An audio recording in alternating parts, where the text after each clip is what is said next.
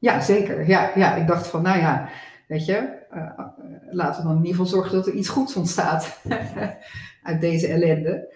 Um, en dat, we, weet je, dat je er iets van leert, want dan is, het, dan is het geen verloren les. Als het alleen maar verdriet is, zonder dat je er iets, dat je ervan groeit, dan is het een soort van verloren verdriet. Terwijl als je, er, als je het aanbindt om er van te groeien en om er iets, om er ja, mooier tussen aanhalingstekens uit te komen, dan, uh, dan heeft het zijn, zijn, zijn nut en zijn effect gehad. Dus het was echt een besluit. En zo heb ik het aangepakt. En, en dat ben ik continu blijven herhalen en ook een soort van fake it till you make it. Ik wist dat, ik, dat, dat je dat gewoon dan een periode een beetje moet faken. Of heel vaak tegen jezelf moet zeggen, laat ik het zo zeggen. om het uiteindelijk ook echt te gaan voelen. En uh, zo is het gegaan.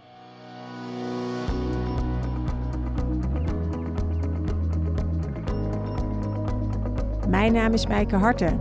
Persoonlijke ontwikkeling is de grootste drijver in mijn leven. Na een technische studie, 15 jaar werkervaring in het bedrijfsleven op het gebied van management consultancy, HR en strategie, heb ik ervoor gekozen mijn passie te volgen. Sinds 2012 heb ik mij met veel plezier volledig gestort op mijn eigen ontwikkeling en het begeleiden van anderen in hun ontwikkeling. Een pittige burn-out en de nodige paniekaanvallen hebben mij met vallen en opstaan geleerd hoe ik ontspannen en met plezier mijn passie en potentieel moeiteloos om kan zetten in succesvolle resultaten. In deze podcast deel ik mijn ervaringen om jou te leren de principes van mindset, energie en spiritualiteit te gebruiken om jouw potentieel volledig tot zijn recht te laten komen.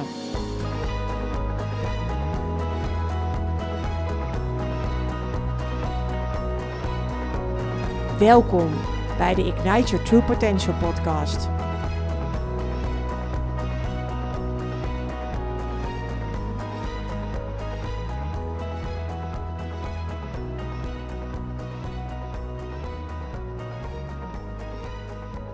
Hey Odette, welkom in mijn podcast. Ik vind het echt super leuk dat jij eh, hier nu bent. Wij kennen elkaar sinds 1991. Uh, oh nee. ja, toen ging ik studeren in Eindhoven. En daar werd ik lid van een studentenvereniging en van een dispuut, waar jij ook al lid van was. Jij was eigenlijk op dat moment al uh, meer aan het weggaan, aan het afstuderen. Dus we hebben elkaar die tijd niet super veel gesproken. Maar het leuke van zo'n dispuut is dat je elkaar wel weer tegenkomt op reunistendagen. Dus we hebben elkaar door de jaren heen toch wel eh, hier en daar uh, ontmoet. Zo'n vier jaar geleden, denk ik ongeveer, hebben wij uh, een één op één gesprek gehad. Um, dat was heel leuk. Vond super inspirerend wat jij allemaal doet en ja, hoe je je ontwikkeld hebt. En in juli 2019 zag ik ineens een interview van jou in de Nouveau. Vond ik echt een heel mooi interview. Dat heb ik je ook uh, meteen toegestuurd. En uh, nou, misschien dat we daar nog wel op terugkomen in deze podcast.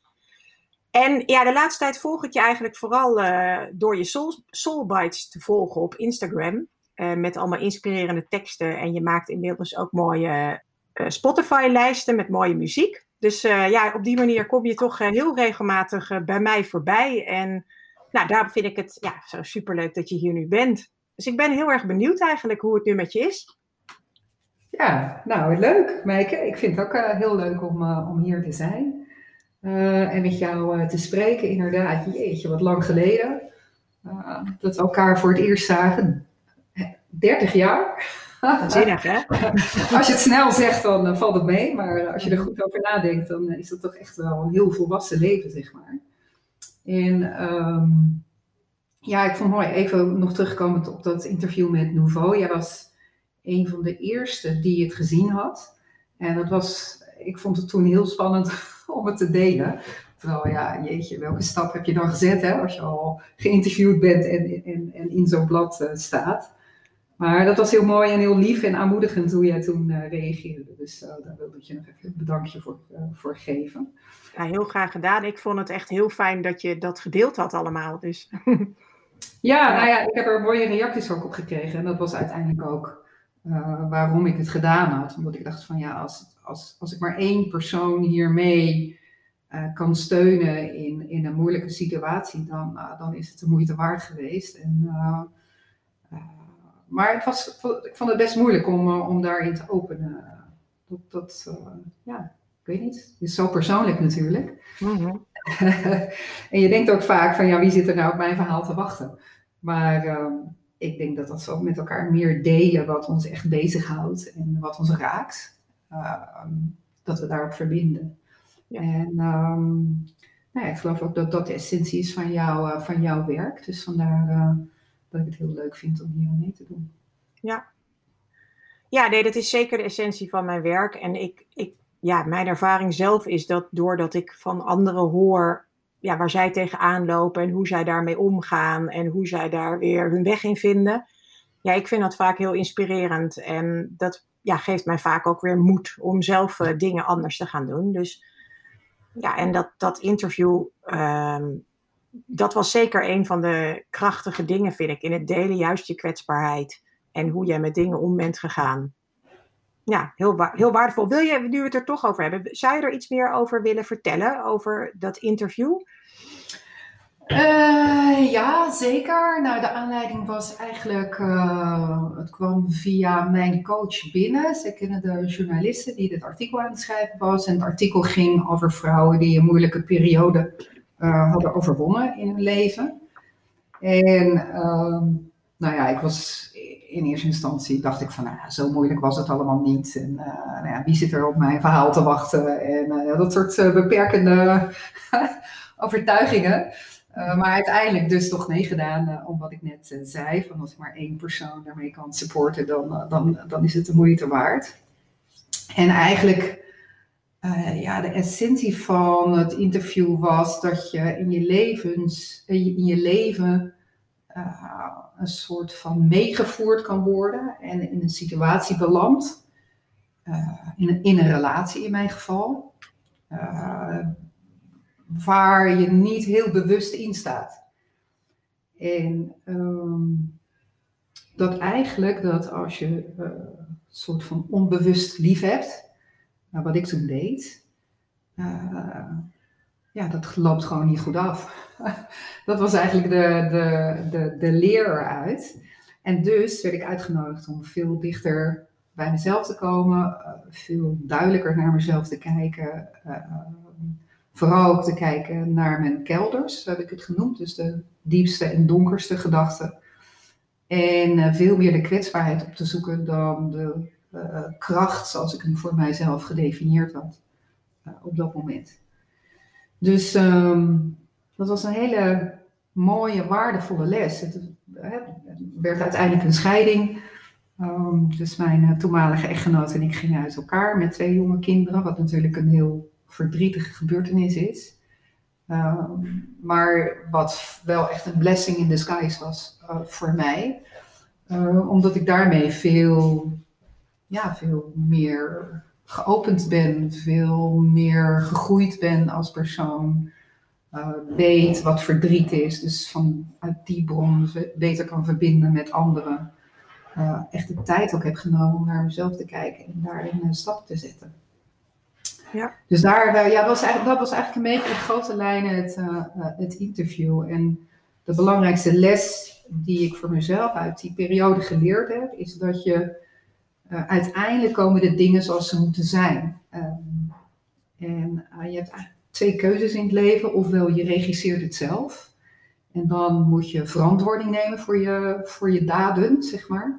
Ofwel het wordt geregisseerd voor je. En dan ben je vaak slachtoffer. En is het, of hè, word je als slachtoffer gezien, of kun je jezelf als slachtoffer zien.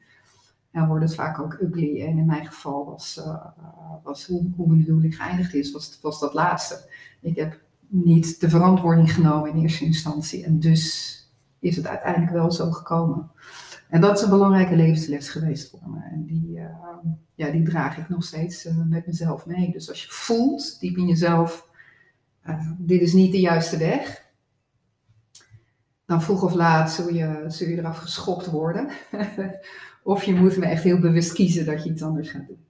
En je kan ja. toch beter het laatste doen. Ja.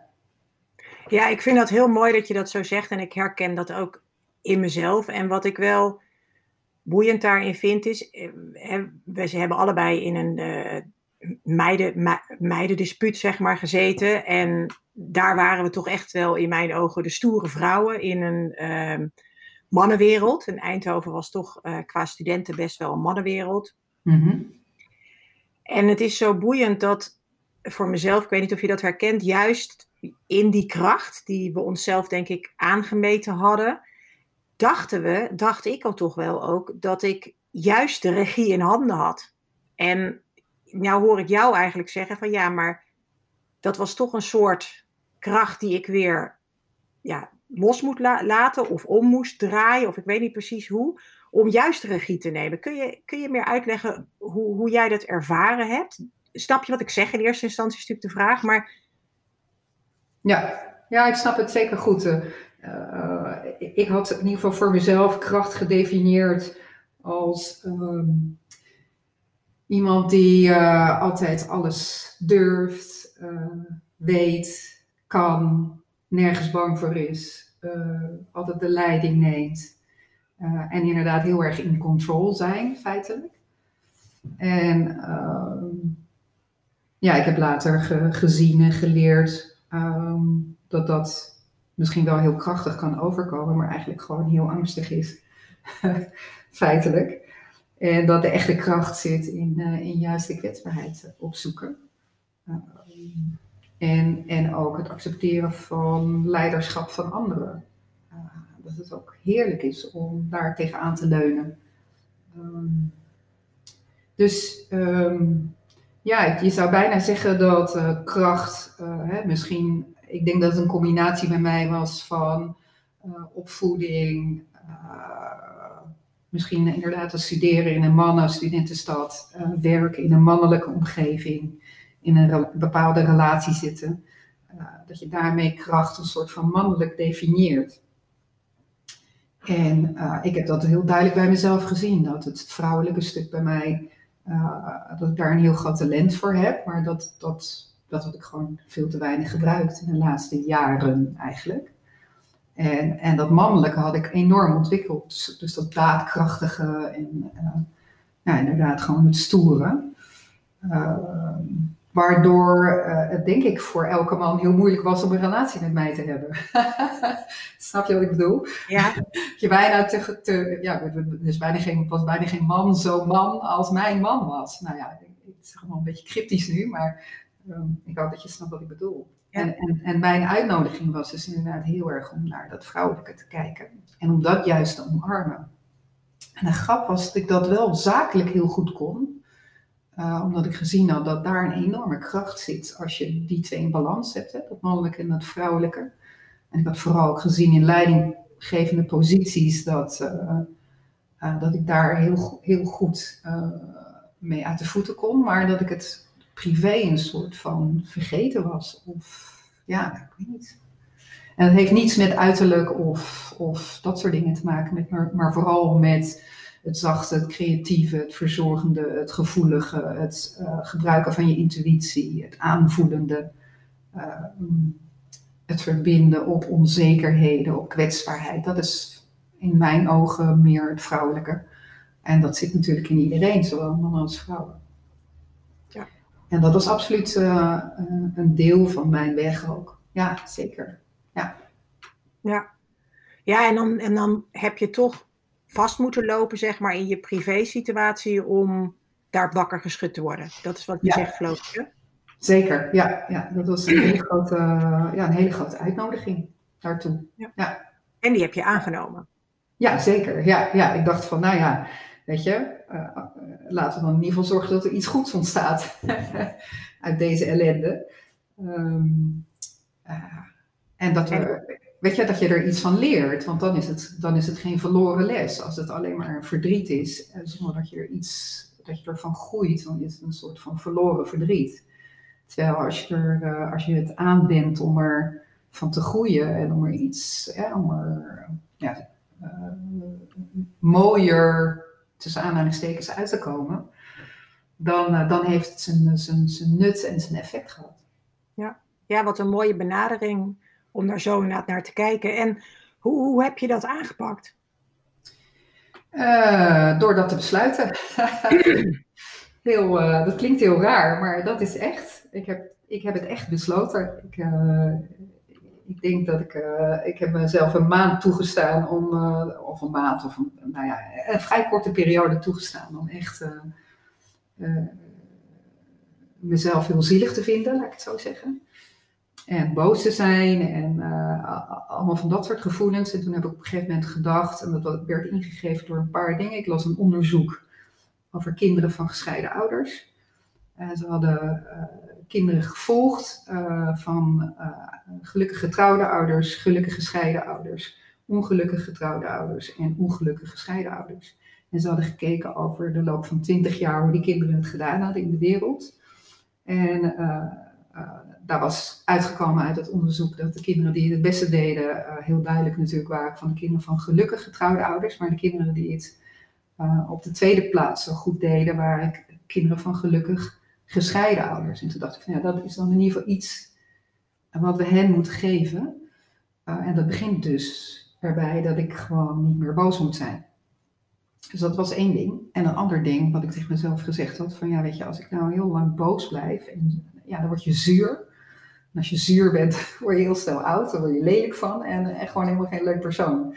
Dus ik, dus ik had wat dingen, ja, hoe zou ik het zeggen? Ik had het aan mezelf verkocht. Um, en ik geloof echt dat je wat je jezelf vertelt, uh, dat dat invloed heeft op hoe je je voelt. Zeker. Uh, dus ik heb gewoon toen die beslissing genomen. Ik ga niet meer boos zijn. Ik ga niet meer zuur zijn. Uh, dit is wat er is gebeurd. Ik was er zelf bij. Uh, ik zag ook al heel snel dat het inderdaad was van, hè, weet je, dit moest zo zijn. En ik heb het me laten gebeuren omdat ik zelf de regie niet durfde te nemen. Dus ik, ik kon het ook niet aan mezelf verkopen om boos te zijn. Ik dacht van, ja, weet je, ik ben er gewoon zelf bij geweest. Dit had niet hoeven gebeuren als ik eerder had ingegeven. Dus ja, dat, uh, ja, dus dat is wel aardig wat zelfkennis uh, op dat moment, vind ik. Ja, uh, ja, ik weet het niet. Um, nee. Het is in ieder geval wel, uh, ik heb wel ontdekt dat je in dat soort situaties, en dat zul jij vast herkennen uh, uit je eigen leven, maar ook uit het, uit het leven van jou, uh, jouw klanten, is dat je op dat soort momenten gewoon een, een reservoir aan, aan resilience hebt, aan, aan kracht hebt, die, waar je normaal niet bij kan. Ja, dat is zeker dus, waar, maar niet iedereen ziet daarin dat hij dat hij of zij daar zelf een aandeel in heeft en dus zelf een besluit kan nemen. En dus zelf weer de regie terug kan pakken. Ja, nou ja, dat denk ik ook. Ja, ja daar heb je gelijk in. En, en ik was de, zo gelukkig dat ik dat wel kon zien. ja. Dus, uh, dus, dus het was echt een besluit. Uh, en zo heb ik het aangepakt. Mooi. En, uh, en dat ben ik continu blijven herhalen en ook een soort van fake it till you make it. Ik wist dat, ik, dat, dat je dat gewoon dan een periode een beetje moet faken of heel vaak tegen jezelf moet zeggen, laat ik het zo zeggen. Uh, om het uiteindelijk ook echt te gaan voelen. En uh, nou, zo is het gegaan. Wauw, wat mooi. Hey, en, en in het interview las ik wel dat je ook nog wel een coach in handen hebt genomen. Zeker, ja. Ja, nu klinkt het alsof je zo de knop om hebt gezet en that's it. Maar je hebt wel meer werk gedaan volgens mij dan alleen dat. Ja, nee, absoluut. Nee, want dat was ook een van de dingen die ik besloot. Uh, van, ik ga dit niet alleen doen. Ik kan het ongetwijfeld alleen, maar dat duurt het veel langer. Dus hoe dom is dat? dus ik dacht van, uh, uh, ik ga met een coach aan de slag die ik al langer kende. Dat is ook de coach die mij aan die journalisten van Nouveau had geroepen. Ik ken haar al langer. Ik had ooit eens, was ooit eens bij haar geweest, echt jaren geleden. En toen heb ik haar weer opgebeld in een aanloop naar mijn scheiding. Uh, met haar uh, nou ja, gewoon het leven doorgenomen, het leven, de liefde doorgenomen. Dus dat hielp heel erg.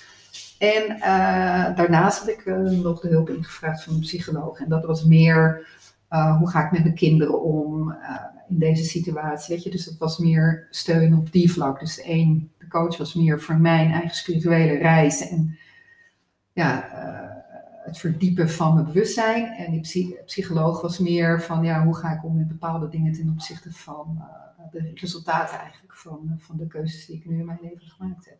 Ja. En dat heb ik, uh, denk ik, die psycholoog, denk ik, een jaar gedaan. En die coach wel een jaar of drie, uh, met wisselende intensiteit. maar de essentie van mijn reis van de afgelopen tien jaar bijna, ja, dit jaar wordt het tien jaar, is wel gewoon heel veel zelfontwikkeling. dat is iets wat, ja, waar ik gewoon dagelijks mee bezig ben. Wat ik ook heel lekker vind. Het klinkt heel raar, maar het is een soort van tijd voor mezelf ook. En uh, ja, dat houdt mijn, mijn geest en mijn ziel zuiver. Dus, ja. ja, wat mooi. hey, en Odette, heeft de scheiding ook invloed gehad en het proces waar je in bent gegaan ook invloed gehad op het soort werk wat je deed en wat je nu doet? Is daar wat nog in veranderd of is dat wel gelijk gebleven? Uh, nee, ik denk dat het wel gelijk gebleven is. Of in die zin, de, dat wat ik wil betekenen in het leven, dat is niet per se veranderd door die scheiding. Uh, ten tijde van de scheiding uh, was ik algemeen directeur van een business-to-business charity. Uh, nu ben ik weer terug in het bedrijfsleven, maar wel bij een bedrijf wat, wat een positieve bijdrage levert aan de wereld naast mijn passieproject van Soulbites. Dus dat is niet per se veranderd. Wat ik wel heb gezien is dat ik bij die charity waar ik werkte, dat ik daar wat langer ben blijven hangen, tussen aanhalingstekens, dat ik normaal zou doen. Weet je, ik had heel veel tijd nodig om dingen te verwerken en te groeien. en, en, en dat zag je dat, dat, dat ik daardoor minder energie had om te groeien in een, in, in een werksituatie. Dus ik, ik ben daar uiteindelijk zeven jaar gebleven. Nou, ik denk dat als ik geen scheiding had gehad, dat ik daar uh, drie jaar eerder was weggegaan. Ja, Zoiets. Dus dat heb ik wel gezien, dat ik, ja, dat ik daar wat op, uh, op ingeleverd heb. Ja. ja. Ja, en nu we je werk toch aanraken, zou je wat willen delen over wat je doet en hoe jij mensen helpt? Uh, ja, zeker. Um, nou, mijn hoofdactiviteit is uh, uh, mijn werk voor Editor Networks. Dat is een internationaal snel groeiend IT-bedrijf. En, we hebben een circulair businessmodel en dat betekent dat we IT-infrastructuurproducten, dus servers en net, netwerkapparatuur, hergebruiken. Uh, die worden nu vaak afgeschreven tussen de drie en de vijf jaar. En wij zorgen ervoor dat dat nog eens een keer zo lang mee kan. Um, dus daarmee voorkom je een hoop e-waste, voorkom je een hoop CO2-uitstoot. Uh, voorkom je dat mensen in erbarmelijke omstandigheden moeten minen en produceren. Um, dus dat is de ene stuk. En ik geef leiding aan het, aan bedrijf. We hebben twee vestigingen in uh, Almere uh, en in Singapore. Uh, we zijn met 34 mensen nu.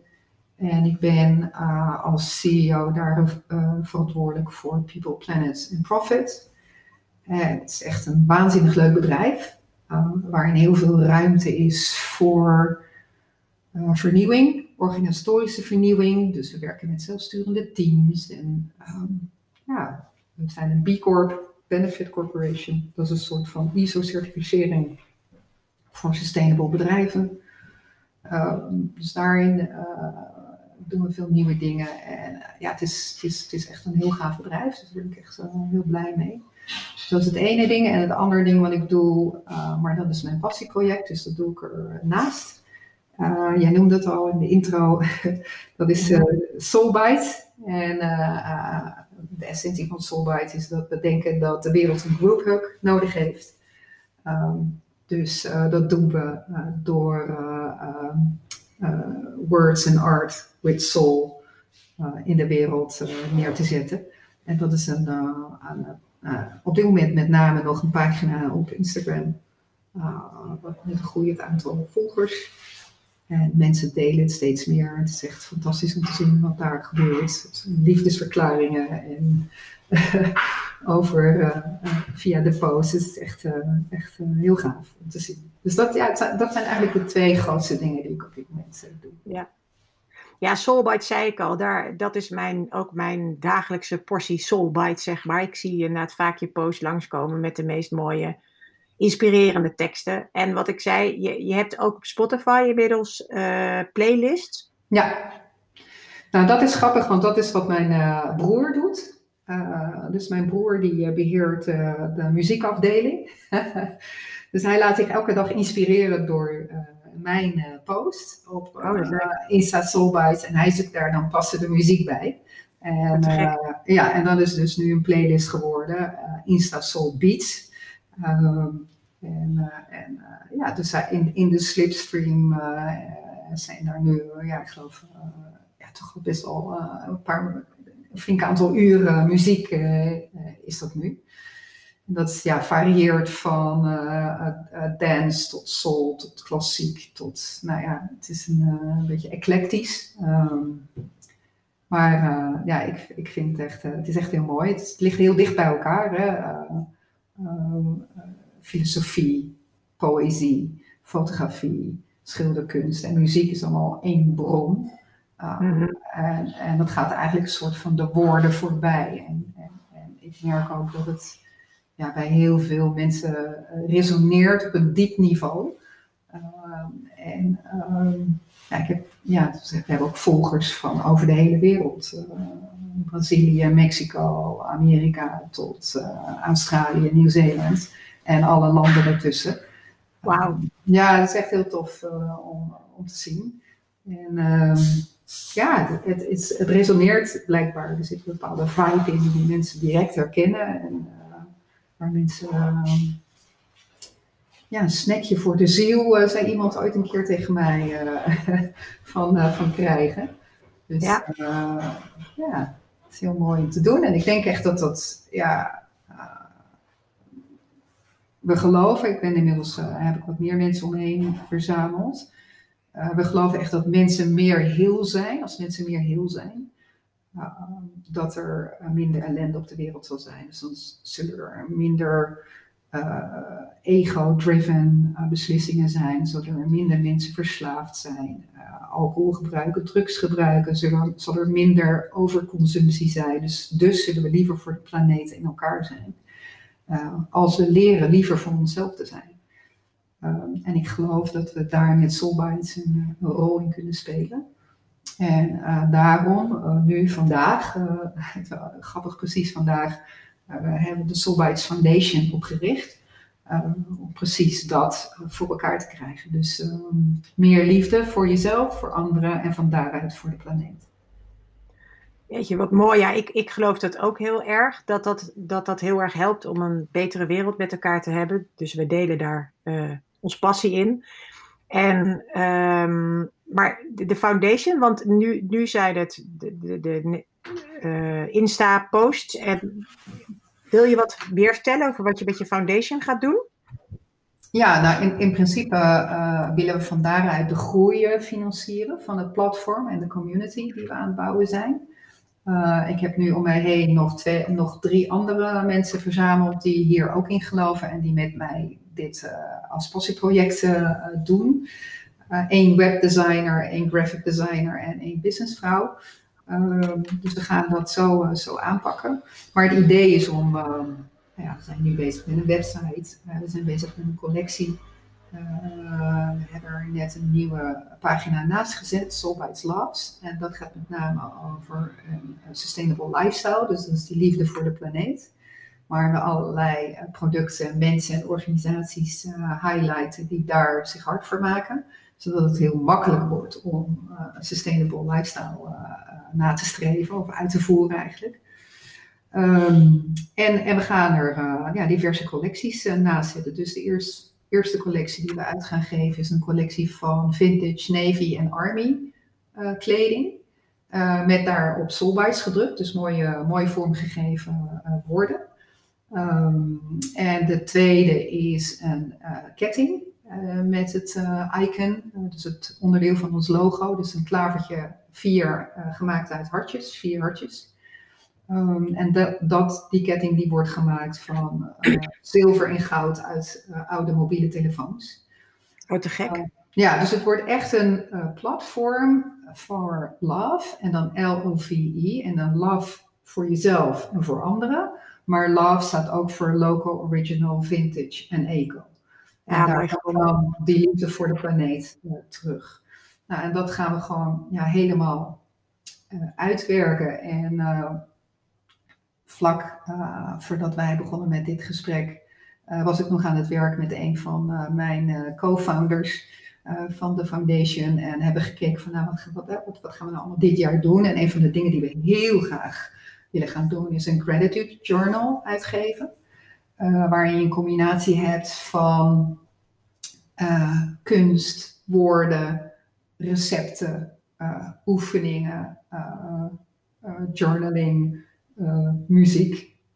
Ehm, waarin je dus in dat jaar gratitude kunt oefenen. Omdat wij van mening zijn dat hoe meer dankbaar je bent voor wie je bent, voor waar je bent, met wie je bent en wat je aan het doen bent, eh, hoe groter geluk je ervaart en hoe meer heel je bent.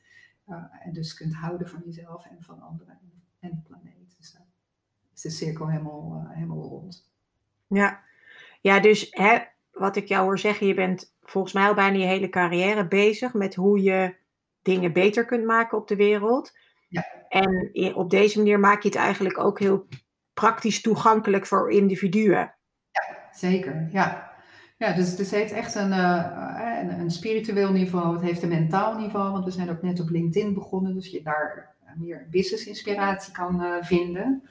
Maar het heeft ook een heel groot aardsniveau eigenlijk, zodat je echt, dat je echt iets kan doen. Dus dat je gewoon die liefde voor jezelf en voor anderen en voor de planeet ook heel duidelijk in actie kunt brengen. Ja.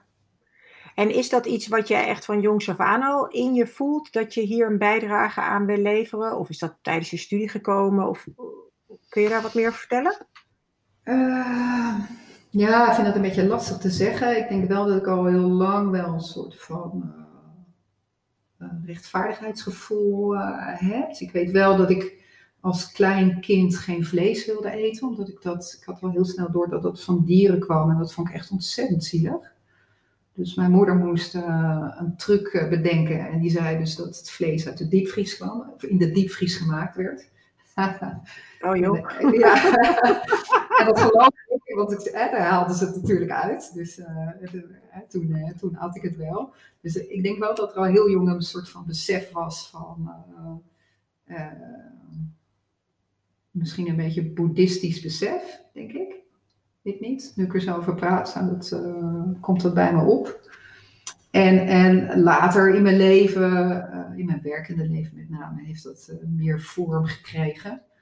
Um, omdat ik zag van ja, na een reis naar India, Nepal, was me zo duidelijk geworden dat er zoveel verschil is in de wereld. Ik dacht kan gewoon niet dit. Dus dat was eigenlijk wel een soort van zaadje van, nou, ik ga ooit nog iets uh, doen met dit. En vanaf toen heb ik geprobeerd om altijd en alle dingen die ik uh, startte, of waar ik bij betrokken was, om daar iets goeds te doen voor de mensen op deze planeet of de planeet zelf, of het liefst nog een combinatie. Dus dat is nu al wel, denk ik, een, een jaar of 25 wel met me. Ja, 2025. Dat is best wel lang ja. eigenlijk. Ja, zeker. En, en het wordt alleen maar sterker, omdat ik gewoon nu gewoon zo'n sterk gevoel heb van, weet je, ja, ik, ik wil gewoon nooit meer iets anders doen dan uh, met mijn uh, bedrijfsactiviteiten iets, iets goeds voor de wereld creëren. Dat, ik wilde gewoon niet, niet, niet meer iets anders doen. Ja. Ja, we leven best wel een bizarre tijd nu. Ook uh, natuurlijk door het coronavirus. Mm-hmm. Daardoor uh, kunnen we best veel dingen niet. En we kunnen denk ik heel erg gaan focussen op wat het allemaal, wat er niet goed is. Maar ik ben eigenlijk ook wel heel erg benieuwd wat jij aan kansen hierin ziet. Ja, wat ik zie is, kijk, er zijn sowieso kansen op planeetniveau, wat heel duidelijk is. Hè. In de eerste lockdown had ik een soort van bedacht ik me van, nou, de, de, de, de, planeet heeft een sabbatical van ons uh, consumerism. Dus dat is natuurlijk een hele dikke winst. Hè. Opeens zagen de mensen in India zagen de Himalaya weer. in Venetië zagen we weer de bodem van, van de rivieren daar. En de, de, planeet kon weer ademhalen. Dus daar, dat is absoluut een silver lining. Ik denk, we hebben best wel, zijn best wel een beetje doorgeschoten in onze meer, meer, meer cultuur. Ik denk dat de discussie van wat is nou eigenlijk succes en welke beroepen zijn nu eigenlijk essentieel, dat dat heel erg is getriggerd door de situatie van afgelopen jaar. we hebben opeens gezien dat onze, feitelijk onze laagst betaalde beroepen, die van in de zorg en van leraren, dat dat de meest fundamentele en essentiële zijn. Dus daar is al een duidelijke discussie over uh, gestart. Ja. Uh, maar ook de manier waarop we werken, waar natuurlijk ontzettend ons aan het afjakkeren door alsmaar in die file te zitten en op kantoor te zijn. We hebben nu gezien dat balans en vanuit huis werken, oké, misschien helemaal vanuit huis werken is ook weer niet het antwoord, dat weet ik niet. Maar ehm, maar ik geloof niet dat het ooit weer wordt zoals het was. Dus uh, daarvoor heeft het nu lang genoeg geduurd. En uh, hebben heel veel bedrijven gezien dat het niet ten koste is gegaan van de productiviteit. Dus daar waar heel veel stroom was op dat thuiswerken, voor heel veel bedrijven, voor een aantal ook niet hoor, maar voor heel veel bedrijven wel. Dus mensen dachten van ja, dan gaan mensen de hele dag lopen lummelen en gaan ze niks meer doen en zo. Daar hebben ze nu, moesten ze opeens. Uh, en dat heeft een soort duw gegeven. Uh, in de goede richting, vind ik. En, en wat je ook hebt gezien is dat opeens uh, het besef dat we allemaal onderdeel zijn van een groter geheel toch wel flink is toegenomen. milieubesef. En dat kan, ons ook alleen maar ten goede komen, denk ik. Dus ik zie heel veel kansen voor de toekomst. dat we er uit, dit, uit dit iets beters kunnen maken. Uh, maar ik geloof wel dat we nog wel eventjes uh, de tanden op elkaar moeten zetten. Dat het nog wel even moeilijk wordt, omdat we, ja, we zitten nog met uh, anderhalve been in het oude systeem. En ja, zo'n transitie, dat is natuurlijk altijd een beetje pijnlijk. Ja. Dus ik geloof wel dat het niet gelijk fijn en gezellig wordt.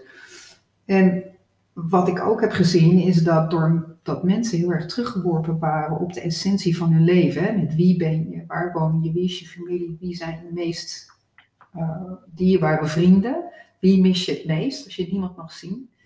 Uh, dat dat ook weer een vorm van uh, dankbaarheid in zich heeft gehad.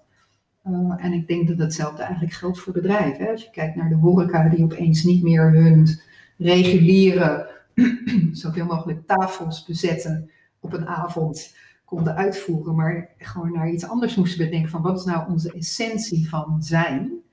Uh, en, en, creatieve manieren hebben gevonden om, om hun beleving uh, wel bij hun klanten te krijgen. Ik denk dat het purpose denken echt wel is, uh, is toegenomen hierdoor. Dus um, ja, ik geloof dat we aan alle kanten een soort van uh, ja, ik zou, misschien is het niet helemaal het juiste woord, maar een soort van lesje nederigheid hebben gekregen. Um, en ik denk dat we dat nodig hadden. En, ik en, denk en dat voor jou persoonlijk, heeft het voor jou persoonlijk ook uh, nog diepere inzichten wellicht gegeven? In je eigen mm. leven?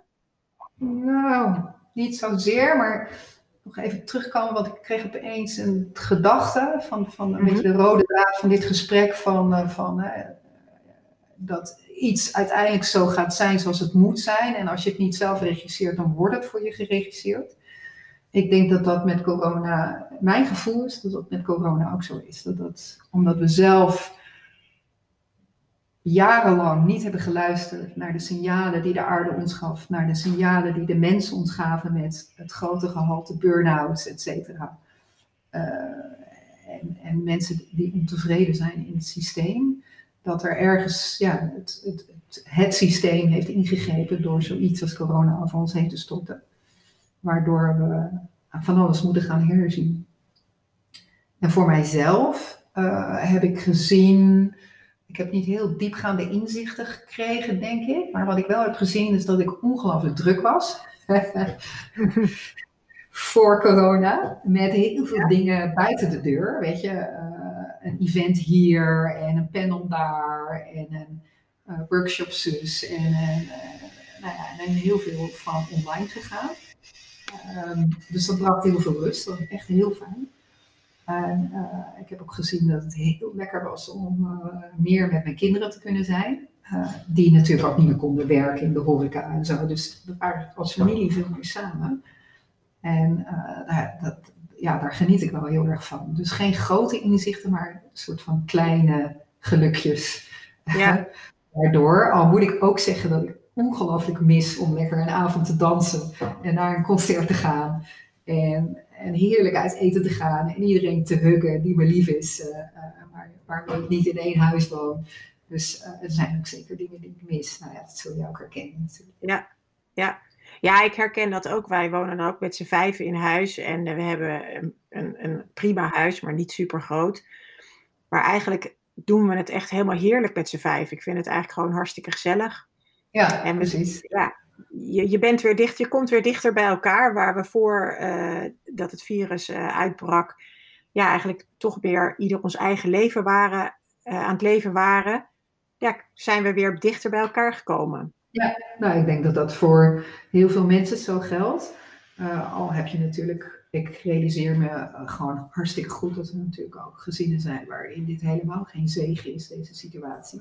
Zeker. Kinderen waar, die te maken hebben met huiselijk geweld, met gefrustreerde ouders, dus waar dat dan maar toeneemt. Dus er zijn natuurlijk ook heel veel schrijnende resultaten van deze situatie te zien. Maar um, ja, toch ook wel gelukkig. silver linings. Ja. Ja, Nee, er, zijn ook, eh, er is ook heel veel niet moois wat er komt. Um, wat er ontstaat hierdoor. Of mensen die heel erg alleen zijn. En um, nou ja, ik, ik denk dat het ook altijd wel belangrijk is om niet alleen te kijken naar de negatieve dingen. En wel te proberen ook te kijken inderdaad van wat is er wel positief. En vooral ook wat jij zegt van en waar kunnen we ook de regie weer in handen nemen. Zijn we het slachtoffer van iets? Of leren we er een les van en gaan we dingen anders doen en kunnen we daarin weer vooruit? Ja, precies. Nou, ik denk dat, dat, dat dat ons nu als mensheid uh, te doen staat, inderdaad. Ja. Ja. Hey, ik ben eigenlijk heel nieuwsgierig. Hè? Jij, je, je, je zegt ook met je Soulbites uh, ga je ook verder mensen handvatten geven uh, om die regie meer in handen te nemen en meer liefde en verbinding te ervaren. Wat, wat zijn dingen die jij zelf zo al doet, dagelijks of wekelijks, ja, om goed voor jezelf te zorgen? Sowieso heb ik een dagelijkse korte yoga routine. Dus ja, ik sta op en, en dat is het eerste wat ik doe eigenlijk. dus ik trek, iets makkelijks aan. Ik doe de tuindeur open en als het droog is, dan dan probeer ik dat buiten te doen, tenzij het heel erg koud is. Dan doe ik het binnen, maar wel met de deur dus open. En dan doe ik een korte yoga routine, vooral gericht op heel goed ademhalen. En uh, met altijd dezelfde intentie voor de dag. Uh, en dat is zuivere gedachten, zuivere woorden, zuivere gevoelens en overvloed. En dan ga ik van mijn derde oog naar mijn mond, naar mijn hart, naar mijn buik. Uh, dus die vier stappen. Dus dat doe ik elke dag. En uh, ja, dat houdt me gegrond, denk ik. En uh, ook door die ademhaling ja, maak je jezelf gelijk helemaal open en wakker. En ja, vooral dat open zijn, denk ik. Ehm, ik ben eigenlijk continu wel in een programma Ehm, van ontwikkeling. Dus ik doe nu uh, al voor het tweede jaar uh, een leiderschapsprogramma bij Awake Origins. En dat is met name gericht op ja, purpose-driven leadership. Wat begint met natuurlijk heel goed jezelf kennen en, en, weten waar je pijn zit en weten waar je triggers zijn en, en, en weten waar je, je passie en je purpose zit. En nou, van daaruit uh, de leiderschap over je leven te nemen, over jezelf te nemen, van waaruit, hè, wat weer de bron is waarmee je uh, een bedrijf kunt leiden of mensen kunt leiden. Of, nou ja, hoe je dat ook invult. Dus ik denk dat dat, uh, dat is voor mij heel erg belangrijk om dat met regelmaat te doen. En als ik het idee heb dat ik een beetje wiebelig ben, hè, er zijn wel eens periodes in je leven dat je denkt van, uh, oeh, er gebeurt nu wel best wel een hoop. Ja, dan ga ik toch altijd wel weer even terug naar mijn coach voor een uh, APK. Uh, APK'tje. ja. dus, nou goed, ik ben er nu al wel een tijdje niet geweest. Ik denk een jaar of twee niet, zoiets. Dus dat is op zich een goed teken. Uh, maar ik weet dat, uh, nou ja, er komt ongetwijfeld weer een moment in mijn leven dat ik, dat, dat, ik, dat ik het fijn vind om weer, weer, even met haar te kijken naar iets. En, ehm, nou ja, kijk, wat kan ik nog meer zeggen? Ik denk dat dat het wel zo'n beetje is. Gewoon continu ook dat bewustzijn, regelmatig gesprekken met mezelf, goede gesprekken met mezelf, tijd alleen regelmatig een retreat, silent retreats werken voor mij echt fantastisch. Als ik uh, meters wil maken met mezelf, maar ook in uh, manifesterende zin. Dus uh, dat zijn allemaal dingen die ik, uh, die ik doe. Ja, mooi. En je neemt jezelf heel serieus daarin, hoor ik. En je maakt er ook veel tijd voor vrij. ja, ja, ja. Ja, ik zou nog iets meer tijd voor vrij kunnen maken, denk ik.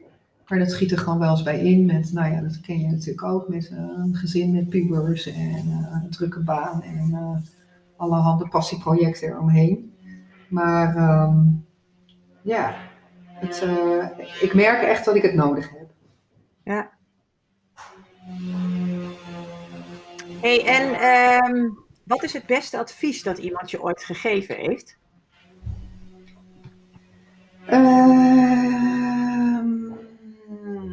Oh, dat is een mooie vraag. Even nadenken. Het beste advies dat mij ooit gegeven is. Nou, het zijn meer, denk ik, de inzichten die ik zelf uit boeken heb gehaald. Of uit situaties. Of uh, uit uh, retreats. Of dat ik, ik, ik, ik ik vind het heerlijk om inzichten te verzamelen. Dat is echt een soort van hobby, zeg maar. um, en één ding wat ik, uh, ja, wat een heel, heel belangrijk inzicht was, inderdaad, waar we het al uh, eerder over hadden. Van of je regisseert het zelf of het wordt voor je geregisseerd. Dus ja, je kan beter echt heel uh, trouw aan jezelf zijn. Um, wat ik ook een heel belangrijk inzicht vond, was uh, wat ik ooit in een boek heb gelezen. Dat ging over geweldloos communiceren. Dan vond ik dat niet zo'n lekkere term voor het boek, maar de essentie ervan was dat elke kritiek een wens in zich heeft. Dus dat je, uh, hè, zodra je jezelf traint om uh, in, in, kritiek de wens te horen, dan, dan haal je de, de ego-angel uit een gesprek. Uh, en dat werkt ook andersom. Dus op het moment dat jij iets van iemand wil, uh, dan, kun je, uh, dan kun je dat als kritiek communiceren. Maar het is zoveel effectiever als je het als wens communiceert. En daar zit dan gelijk de kwetsbaarheid in. Want als je het als wens communiceert, dan kan iemand zeggen van nou jammer dan voor je. dat is leuk jouw wens, maar ik ga er verder niks mee doen. Maar dat is wel, dat vond ik wel echt een heel belangrijk inzicht. En uh, ook wat ik gezien heb, is dat ik ben echt iemand die, uh, die sterk is in, uh, in creëren en verbeteren, innoveren. maar niet zozeer in bestendigen. Dus um, je moet mij niet hebben als, je, als op de winkel gepast moet worden, zeg maar. Dat, daar ben ik gewoon niet zo goed in. Dan ja, dan ga ik een beetje dood. dat, is weer, dat is weer een andere energie, weet je. Dat is ook heel knap hoor. Als je gewoon, uh, ik ben meer iemand die iets definieert en groei kan brengen. En uh, ik ben echt een designer, zeg maar. Uh, tot en met prototyping. En dan moet het overgenomen worden door iemand anders die het bestendigt. Ja. Dus dat, dat, is ook echt een heel belangrijk inzicht. En ik heb daar best lang tegen gevochten. omdat ik de soort van overtuiging had van, ja, maar het is, dat is zo oppervlakkig dan blijf je nooit ergens lang. Ehm, en ik, ik heb dat losgelaten. Ik heb gezien dat dat mijn absolute kracht is. En dat ik dat anderen ook best wel kan hoor. Ik bedoel, uh, dat kan ik best goed. Maar ik word er heel erg ongelukkig van. Dus uiteindelijk zit daar niet mijn grootste talent. En uh, moeten gewoon andere mensen doen die daar super gelukkig van worden. dus uh, ja, dat zijn zo wel, denk ik, dingen die. Ja, dat is het wel, denk ik, zo'n beetje. Maar dat is inderdaad mooi wat je zegt, dat je, je kan iets wel goed en toch betekent dat niet dat dat is wat, wat je het beste kan doen. Omdat je er gewoon zelf geen energie van krijgt. Of zoals jij zegt, er gewoon eigenlijk heel ongelukkig van wordt. Ja. Nou, en ook als je kijkt naar van uh, wat, wat heb je de wereld te brengen. dan is het ook een soort van, je hebt talenten gekregen. En dat is een beetje noblesse oblige, wat mij betreft. Dus die moet je, ja, je kan dan wel iets anders willen zijn. Dan, van de talenten die je gekregen hebt, omdat je denkt dat dat beter is. Of, uh, nou ja, weet ik voor wat voor embleem je erop plakt. Maar het is eigenlijk gewoon een soort van, van niet gebruiken van je talenten en daarmee een soort van arrogantie uh, ten opzichte van wat je gekregen hebt. Uh, ja. Dus het is ook, ja, dit is, ik ben zo op de wereld gekomen en ik heb me zo ontwikkeld. En en, en laat ik dat dan uh, ook op deze manier gebruiken, omdat ik daarmee de grootste impact kan creëren. Ja, toch is mijn ervaring dat het voor mensen best wel vaak lastig is om hun talenten te zien van zichzelf, te ontdekken bij zichzelf. Ja, nou dat geloof ik wel, want er, ja, daar zit ook iets in van iets Hollands misschien in. Hè? We zijn niet zo snel geneigd om van onszelf te zeggen waar we goed in zijn laat staan waar we trots op zijn. Dat, dat, is echt, dat zit niet zo in onze, in onze nuchtere, tussen aanhalingstekens, aard. we hebben een soort last van valse bescheidenheid, vind ik. Mhm. Eh, en ik denk dat daar wat uh, overtuigingen uh, achter zitten die we best los mogen laten. Ik denk dat, ik heb wel eens gehoord van mensen van, die zeggen van ja, maar je hebt altijd zoveel zelfvertrouwen. Um, en, en dan denk ik van ja, dat is ik kan me voorstellen dat mensen daar zo naar kijken, dat mensen dat van mij vinden. Ehm, maar dat is, dat is het eigenlijk niet. Het is meer dat ik ehm, zelf inzicht heb, dat ik goed weet wie ik ben. Uh, en dat wordt wel eens ver, verward met zelfvertrouwen. Want ik heb genoeg dingen waar ik onzeker over ben, of die ik eng vind, of spannend vind, of voor de eerste keer doe, of waar ik helemaal niet goed in ben. Weet je? Dus, mhm. Maar het gaat erom dat je dat zelf inzicht hebt en daar ook gewoon voor durft te gaan staan. Jongens, ik ben hiervan, maar niet hiervan. Ehm, en uh, dit is wat ik goed kan en dit kan ik niet. Ja? En zolang je dat maar in balans houdt, um, denk ik dat, um, ja, dat, het, dat het gewoon, gewoon goed komt. En ik heb ook al gezien van, ik, ik, ja, ik ga me niet meer kleiner maken omdat andere mensen zich ongemakkelijk voelen bij wie ik ben. Weet je? Ja daar nu inmiddels wel een beetje overheen. dat ik me daar iets van aantrek. ik denk van ja, weet je, dat is dan toch meer, ja, dat is dan meer jouw stukje. Ik wil best rekening houden hè, met, met iedereen. Natuurlijk is het goed om af en toe gespiegeld te worden over hoe je overkomt. Je mag natuurlijk mensen niet beschadigen of ze uh, onheus bejegenen, helemaal niet. Maar ja, ik ben wel voorbij de schaamte, zeg maar. Ja, ja, dat is ook iets wat ik vaak tegenkom uh, bij mijn klanten. Is inderdaad dat, je, ja, dat ze toch heel erg bezig zijn met wat vinden anderen ervan. In plaats van echt bezig zijn met wat vind ik er nou van. Ja, precies. Ja, en dat houdt je dan dus tegen om voor je talenten te gaan staan. Want natuurlijk weet iedereen wel, zeker de mensen die bij jou komen, die weten heus wel diep down van binnen waar ze goed in zijn. Ga je mij niet vertellen. Ja dat je dat, dat je dat niet weet. Weet je, ja, misschien als je 16 bent nog niet, maar toch wel als je wel aan uh, ja. op de 35, ja, 40, 45 bent. Ja. Ja, meestal, mensen, meestal weten mensen deep down wel. Alleen het, het, het bijzondere daarin is om vaak iets wat je goed kan, herken je ook vaak niet omdat je het zo normaal vindt. Het is meer vaak dat je dan bij anderen ziet van waarom zijn die er zo onhandig in of kunnen ze het niet. En ik merk vaak door mensen dat inzicht te geven, dat het vaak zo werkt, gaan ze veel beter zien en herkennen waar ze inderdaad echt toch wel bijzonder goed in zijn vergeleken met anderen. Ja, nou en dat is dus uh, investeren in jezelf. Uh, hè, en en dat, ja, dat werkt fantastisch als je dat met behulp van een coach zoals jij doet. die je daar echt een spiegel voor, voor kan houden. En dat is gewoon, ja, als er dan één ding is wat je als tip mee moet geven, dat is dan gewoon echt investeren in jezelf.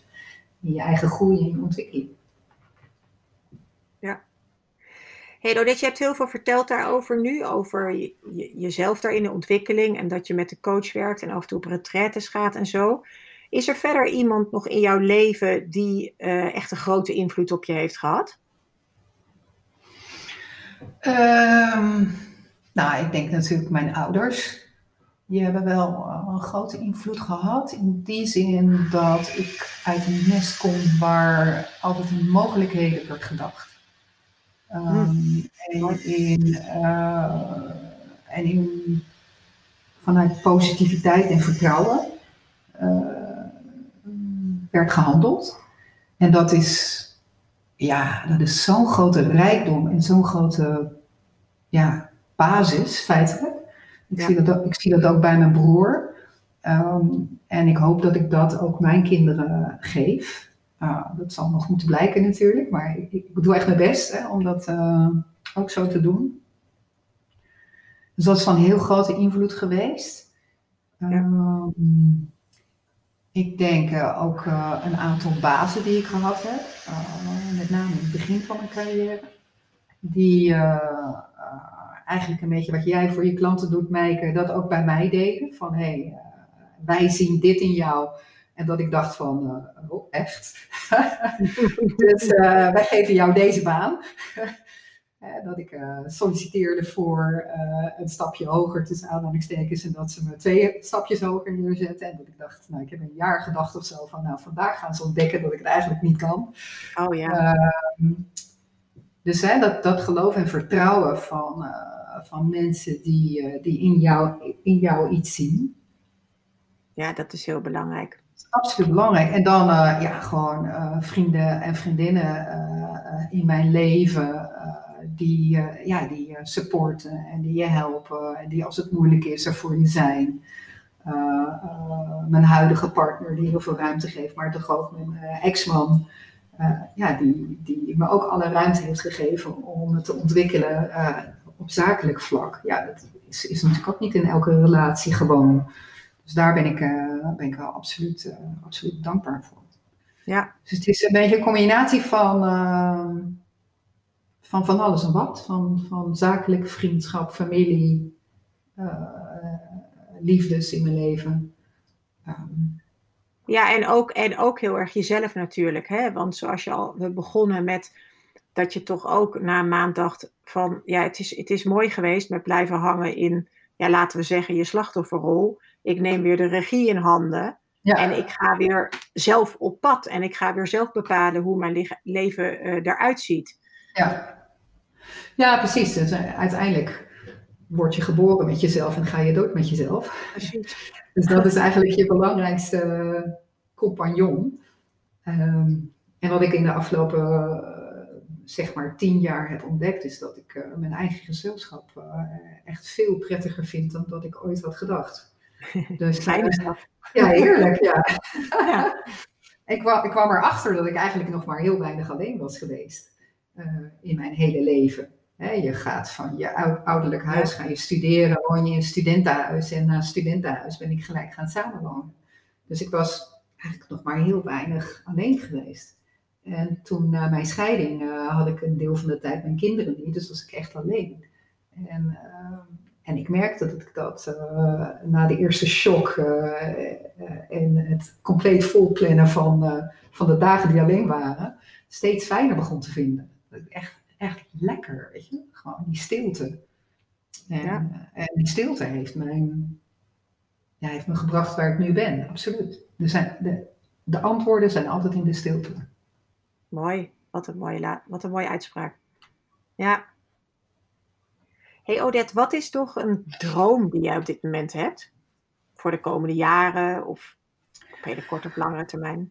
Uh, een droom die ik heb is om samen met mijn uh, huidige uh, liefje een camper te hebben. Een klein busje te verbouwen tot camper. En dan daarmee de hele kust van Europa af te rijden. af en toe te vliegen naar Nederland om familie en vrienden te bezoeken. Uh, maar van daaruit ja, de, de, hele kust van Europa te ontdekken.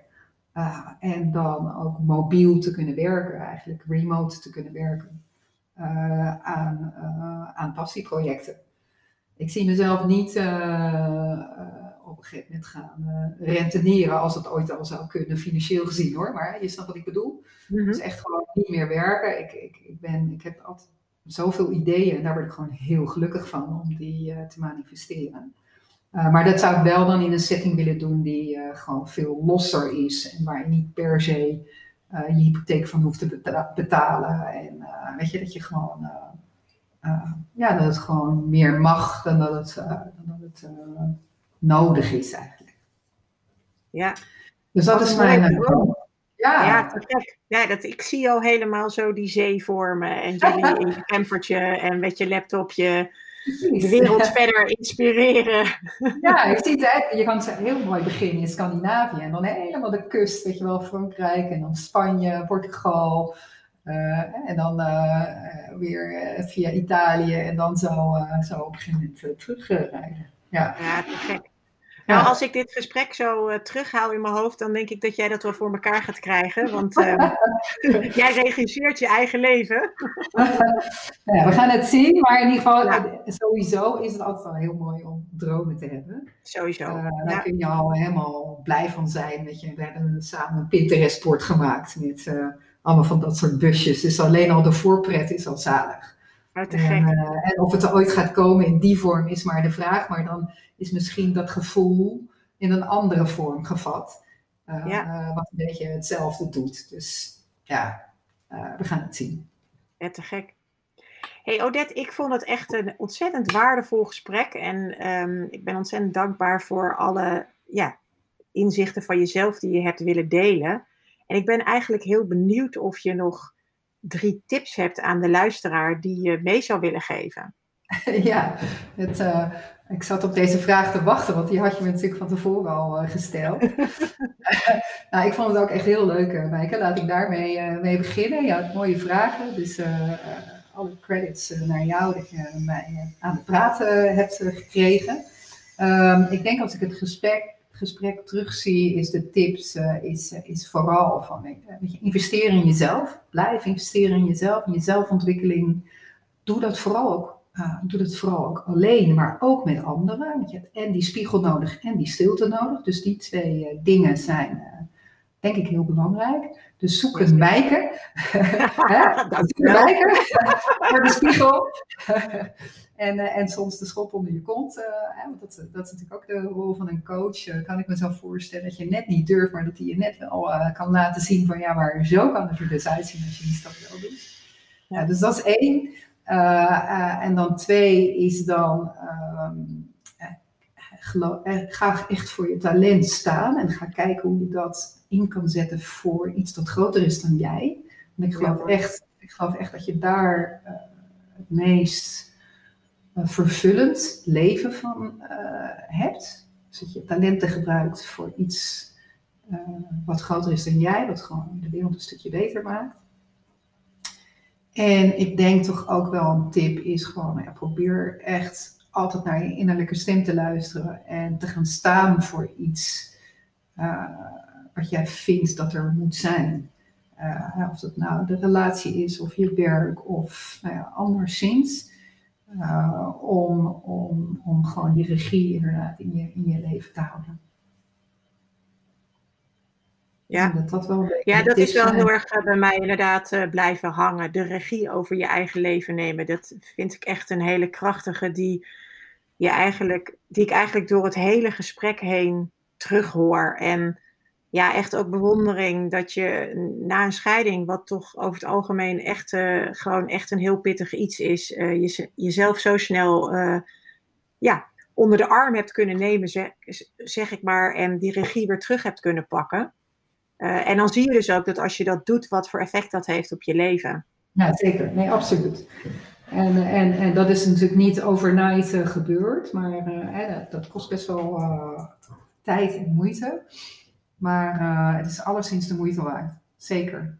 Mooi. En, ja, dus dat zijn ze wel ik ben heel erg blij dat uh, anderen mee hebben mogen luisteren naar dit verhaal van jou. Ik denk dat het heel inspirerend is om naar te luisteren. En ik denk dat er best wel wat mensen zijn die ook heel graag jouw Soul Bites verder gaan volgen. Dus ik heb nog als laatste vraag: hoe kunnen mensen jou vinden? Uh, nou, sowieso kun je natuurlijk even kijken naar mijn profiel op LinkedIn. Daar zie je alles wat ik doe en de bedrijven en organisaties waar ik bij betrokken ben. Dus Odette van Zijtveld op LinkedIn. Uh, en het Soulbite uh, is het handigste, denk ik, dat je naar de Instagram page gaat. En dat is Insta Soulbite. Ja, en ik kan zeggen dat is echt de moeite waard om te gaan volgen. Um, om inderdaad elke dag kleine inspiratie voor de ziel te ontvangen. Ik zal de linkjes ook in de, de keynote zetten. Okay. En um, nou ja, Odette, echt super bedankt voor dit interview. Ja, jij bedankt, Maaike. En uh, nou, ik ben heel benieuwd uh, hoe het uiteindelijk er, eruit gaat horen, om het zo maar te zeggen. en, en, en wat mensen ervan vinden. Dus ik ga het zeker volgen. Dankjewel. Jij bedankt. Super leuk dat je luisterde naar deze aflevering van de Ignite Your True Potential podcast. Als je het leuk vond wat je hoorde en je de volgende aflevering niet wil missen, abonneer je dan nu en laat een review achter zodat meer mensen deze podcast kunnen vinden. Als je denkt dat deze aflevering ook waardevol is voor anderen, wil ik je vragen een screenshot te maken van deze aflevering en deze op social media te delen. En vergeet mij niet te taggen, zodat meer mensen de podcast kunnen vinden. Voor extra inspiratie kun je me ook vinden op Instagram onder Mijke Harten. Alvast super bedankt voor het delen en graag tot een volgende aflevering.